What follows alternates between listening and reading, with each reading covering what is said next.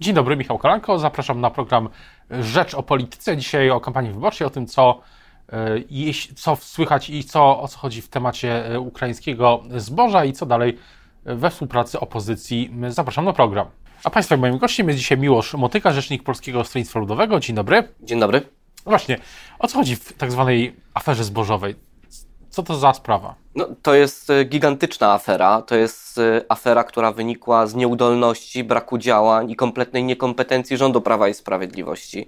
W czerwcu, lipcu ubiegłego roku apelowaliśmy do rządu o podjęcie działań, bo rolnicy, nasi e, eksperci, politycy Polskiego Stronnictwa Ludowego, samorządowcy zauważyli, że jest niekontrolowany napływ w ogóle niekontrolowanego na granicy zboża z Ukrainy. Nie tylko zboża, tam się przejawiały również inne produkty. Mam taki cytat przed sobą, jak wtedy rząd reagował, bo jeszcze jakaś, uważam, odpowiedzialność polityczna powinna w Polsce być. Ukraińskie zboże nie zalewa polskiego rynku, nie jest zagrożeniem dla polskich rolników. To odpowiedź na fałszowanie rzeczywistości przez niektórych polityków, stwierdził obecny wicepremier, pan minister Kowalczyk, że fałszowaliśmy rzeczywistość. Pan wiceminister e, Kaczmarczyk ówczesny zmagazynowanie zbóż ukraińskich nie stanowi dla Polski żadnego problemu, nie jest niczym złym. Pan minister Romanowski, również zasiadający teraz w resorcie rolnictwa. Nie twórzmy aury, że zboże ukraińskie zalało polski rynek. Jeżeli ktoś odpowiada, że polskie pieczywo jest wytwarzane z ukraińskiej mąki, to nic bardziej milnego. Nic takiego się nie dzieje. To jest gigantyczna afera. Rządzący o tym od początku wiedzieli, nie zareagowali i dzisiaj chaotycznymi ruchami próbują kupić po raz kolejny polskie Co do tych ruchów w sobotę premier, premier Morawiecki, prezes Kaczyński i nowy minister rolnictwa zapowiedzieli, że prowadzą całkowite, i to się wydarzyło, całkowite embargo na żywność z Ukrainy. I twierdzą, że też politycy PiS w kuluarach mówią, że to ma zmienić rozmowy, negocjacje ze stroną ukraińską. No, tylko panie redaktorze, mamy kwiecień. Ja przywołałem cytaty i nasze apele z czerwca i lipca. Wtedy też złożyliśmy ustawę o ochronie polskiego rolnictwa, która wprowadzała system kaucji. I dzisiaj nie trzeba by było chaotycznych ruchów pana prezesa Kaczyńskiego, który de facto przez swoich partyjnych kolegów został wpuszczony z Bożej w granicę, e, bo musiał on się tym zająć, bo nie ma już żadnych kompetentnych, jak widać z tych cytatów, osób w rządzie, które mm, reagowałyby na palące problemy.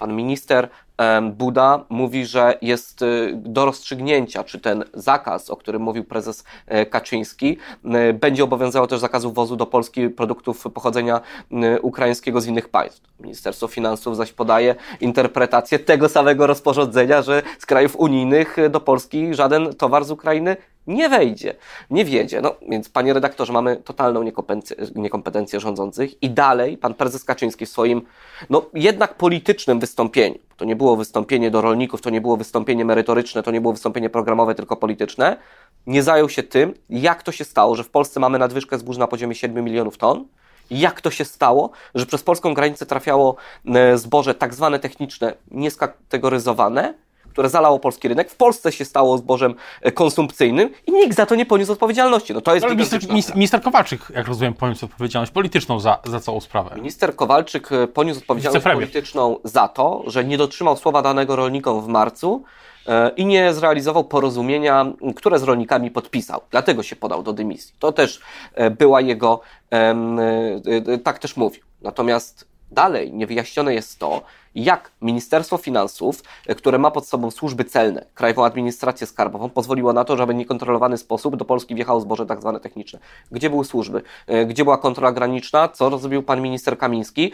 I jak to się stało, panie redaktorze? I to jest też, um, będziemy też wyjaśniać w ramach parlamentarnego zespołu do spraw wyjaśnienia tej afery, że prokuratura nawet miała sygnały od wojewodów z PiSu, a mimo to ministrowie z PiSu, komisarz y, do spraw rolnictwa Unii Europejskiej z PiSu nie zareagowali kompletnie na ten problem. Dobrze, ale załóżmy, że dzisiaj zmienia się władza i PSL rządzi albo współrządzi. Co, co, co teraz? No bo jedno jest jasne, że zboże też jest tematem politycznym, geopolitycznym, jest tematem w wojnie, wykorzystywanym przez Putina w no tak, wojnie. Tak, to jest jasne. Jasne jest też to, że... Co, co dalej, co dalej jest z współpracą z Ukrainą i co z tym, co z importem e, ukraińskiego zboża, ukraińskiej żywności? Jak to powinno zostać rozwiązane, gdyby PSL miał, miał być, e, miał, miał, gdyby miał teraz kreować politykę, to jak, jakby, znaczy w sensie kreować politykę publiczną, y, rolniczą, to jakby problem rozwiązał. Po pierwsze, gdyby, rządził polskie, e, gdyby rządziło Polskie Stronnictwo Ludowe e, i kierowało resortem rolnictwa, to tego problemu by nie było, bo e, wprowadzenie systemu kaucji w lipcu zapobiegłoby temu problemowi, bo nikomu by się nie opłacało zboża do Polski przywozić, ale jak już jest, to trzeba go maksymalnie jak najszybciej do żniw, czyli w ciągu 90 dni, taki czas ma rząd, ściągnąć z rynku. Czyli zwiększyć moce w portach, ściągnąć jak najszybciej masowce z innych portów, utworzyć korytarze eksportowe do portu w Rotterdamie, w Bremie, do Konstancy, aby to zboże jak najszybciej reeksportować, bo jest wspólna odpowiedzialność Unii Europejskiej.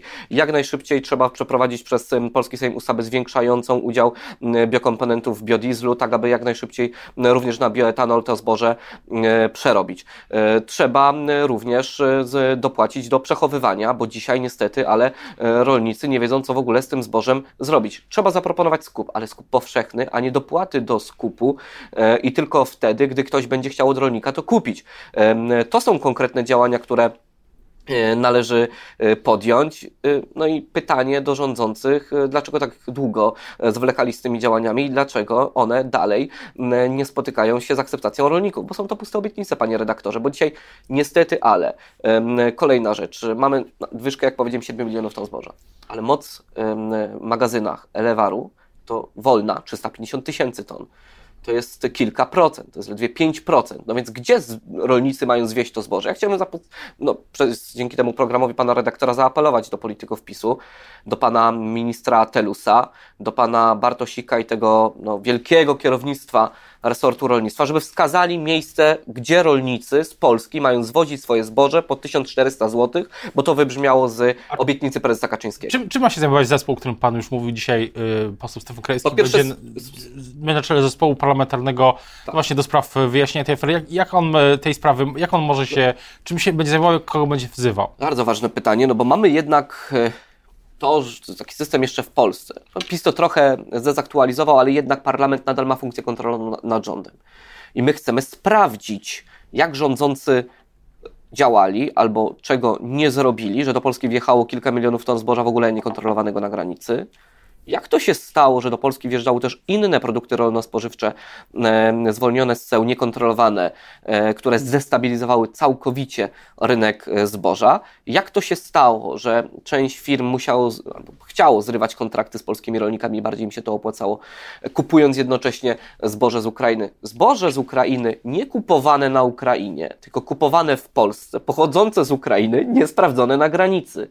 I to należy bezwzględnie wyjaśnić. Będziemy też wyjaśniać, jak to się stało, że europosłowie Prawa i Sprawiedliwości, mówiący o ochronie polskiego rolnictwa w Parlamencie Europejskim, nie zabrali głosu na komisji w tej sprawie. Jak to się stało, że komisarz do spraw Unii, rolnictwa w Unii Europejskiej w ogóle nie odpisał na apele polityków, europosłów Polskiego Stronnictwa Ludowego, którzy wzywali komisarza do działania. Jak to się stało, że na etapie Ministerstwa e, Spraw Wewnętrznych i Administracji, Ministerstwa Finansów, Ministerstwa Rolnictwa, Komisji Europejskiej e, celowo, z premedytacją nie podejmowano działań dotyczących kontroli na granicach, bo zniesienie ceł przez Unię Europejską, przez państwa członkowskie Unii Europejskiej, do czego doszło, nie, nie zwalnia z kontroli no granic. Unia Europejska to jest kolejny, nowy, kolejny wątek, gdzie dziś pisze, piszemy dzisiaj w Rzeczpospolitej, że i też były takie sygnały że przez weekend z Komisji Europejskiej, że decyzja PiS z soboty, no ona generalnie, decyzja rządu, ona idzie no, na kursie kolizyjnym, jest kurs kolizyjny z, z samą Komisją Europejską, z Unią Europejską, a politycy PiS mówią, no ja sam to słyszałem wielokrotnie też, premier Morawiecki to, to mówił niedawno w Waszyngtonie, nawet w, trakcie spotkania do Atlantic Council, że Unia Europejska jest opieszała w tej sprawie. Co no, pan na to? No bo kłamstwo, y, kłamstwo i jeszcze raz kłamstwo to są trzy fundamenty rządu Prawa i Sprawiedliwości. Znaczy jakoś przez ostatnie 9 miesięcy, gdy wnosiliśmy ustawę o ochronie polskiego rolnictwa wprowadzającą system kaucji, mówili, że to jest nie do wprowadzenia, bo to jest działanie sprzeczne z prawem unijnym. Dzisiaj zblokują granice, a jak reaguje Komisja Europejska, że to jest sprzeczne z prawem unijnym, mówią, że to tak de facto jest e, tylko i wyłącznie opinia Komisji Europejskiej. Ale powołują się w rozporządzeniu e, blokującym granice na tę ustawę, która wprowadzała i dozwalałaby system kaucji. Znaczy, to jest czysto polityczne, panie redaktorze, działanie, niekonsultowane celowo z ciałami europejskimi, żeby później, e, w razie jakiegokolwiek niedołężnego działania rządu PiSu, zwalić winę na Unię Europejską. No i będzie pytanie do pana komisarza, Ja nie wiem w ogóle, co on tam robi. No ale wiem, że pisze tweety. I w lutym e, tego roku, gdy apelowaliśmy do pana komisarza o to, aby to właśnie na poziomie europejskim podjęto decyzję o tym, aby ochronić rynek e, i może zablokowano granicę, to komisarz Wojciechowski stwierdził, że zablokowanie importu e, do e, Polski e, na granicy polsko-ukraińskiej będzie potężnym uderzeniem również polski eksport. Pytanie, jak pan komisarz Wojciechowski dzisiaj do tego podchodzi? I czy on jakiekolwiek pismo e, z polskiego rządu dostał? Bo niestety widać dzisiaj, że rząd chyba celowo, panie redaktorze, nie informował Komisji Europejskiej o podejmowanych przez siebie działaniach. Nie pisał do Komisji Europejskiej o podjęcie działań ochronnych, o wyłączenie z niektórych rozporządzeń Unii Europejskiej. Po to właśnie, aby w przypadku kryzysu móc powiedzieć, że to ta zła Unia nie Co- pozwoliła nam na działania. Co do tych działań, to jeszcze pytanie, pytanie o działania Polskiego Stronnictwa Ludowego, czy na przykład politycy PSL wybierają się na, na granicę, tak jak... e, Jak to? Na Znaczy, nie, znaczy w przeciwieństwie do polityków PiSu, my tam jesteśmy stale. Europoseł Hetman był tam wczoraj, był w sobotę. Poseł Jarosław Rzepa był wczoraj, jest dzisiaj, był w sobotę, to mówię tylko o ostatnich dniach w Szczecinie. a prezes, Jesteśmy tam obiec... A prezes prezes Kośnik, Był tam obecny w środę, e, w ubiegłym tygodniu. E, Nie było tam e, wówczas e, polityków e, Prawa i Sprawiedliwości. No liczymy, że na granicę przyjedzie prezes Kaczyński. Ale też ciekawy wątek pan redaktor poruszył, bo w momencie, gdy pan prezes Ka- Kaczyński mówił o blokadzie granicy, cały czas do Polski wjeżdżały transporty z Ukrainy, więc widać, że oni nie mają niestety rozeznania e, w tej sprawie, ale przede wszystkim na granicy są rolnicy. Są rolnicy, są em, przedstawiciele organizacji związkowych z oszukanej wsi, e, z również z agrounii, są ci rolnicy związani z Polskim Stronnictwem Ludowym i ci, którzy e, nie są zrzeszeni w żadnym związku, ci, którzy są działaczami izb rolniczych. I oni apelowali od miesięcy do rządu o działanie. I dzisiaj to, co się im proponuje, to jest jałmużna, a nie realna pomoc. Oni potrzebują po prostu realnych działań przywrócenia ceł, bo obawiają się, że to mityczne blokowanie granicy faktycznie okaże się mityczne i to, m, co zapowiedział prezes Kaczyński, nie będzie miało m, de facto skutków m, w działaniu i że za chwilę po raz kolejny zostanie odblokowany na przykład tranzyt, a produkty rolno-spożywcze będą trafiały do Polski. Co do mm, kwestii poza kwestii politycznych, to jeszcze dwa, dwie sprawy. Jedna dotyczy tego marszu, który mm, przewodniczący Platformy Donald Tusk zapowiedział 4 czerwca. Czy od razu pojawiły się na Twitterze, pan to doskonale pewnie widział, też pytania zwolenników Platformy Obywatelskiej, czy, czy politycy PSL-u, e, Polskiego Stronnictwa Ludowego, prezes, prezes Kośniak-Kamysz, czy pan będą na tym marszu 4 czerwca? Czy to jest y, dobra inicjatywa? Ma Czy to jest inicjatywa Platformy Obywatelskiej, więc jak Donald Tusk chce maszerować ze swoimi zwolennikami, no to przecież wolne prawo. E, no, Z tego co wiem, żadne zaproszenie do nas e, nie wpłynęło. Jeśli to jest inicjatywa Platformy Obywatelskiej, to my będziemy mieli na pewno swoje inicjatywy. Ale oczywiście życzymy wszystkiego dobrego i Platformie, i Donaldowi Tuskowi, i innym partiom e, demokratycznym. E, no, wydaje się, że wszyscy akurat w, na przykład w sprawie ukraińskiego zboża mieliśmy rację. Mówiliśmy konkretnie miesiące temu, e, jak powinien się rząd zachował i czego nie zrobił. Natomiast e, pytanie też czysto polityczne, czy dzisiaj marszowanie, maszerowanie po Warszawie, chodzenie sobie pewnie z jednego placu na drugi zmieni sytuację polityczną w Polsce? Uważam, że nie. Uważam, że kluczowe do zmiany władzy w Polsce jest maszerowanie, ale w kampanii wyborczej teraz, kiedy ona już się rozpoczęła, e, do serc i umysłów Polaków, e, tłumaczenia Polakom, jak dzisiaj faktycznie mogłaby wyglądać Polska, gdyby rządziła maszerowanie opozycja. tak, ale poza Warszawą. Tak, roz, no maszerowanie rozumie. przede wszystkim na spotkaniach do y, Polski lokalnej. My odbyliśmy tylko w tych trzech miesiącach pierwszych tego roku sam prezes ponad 40 spotkań.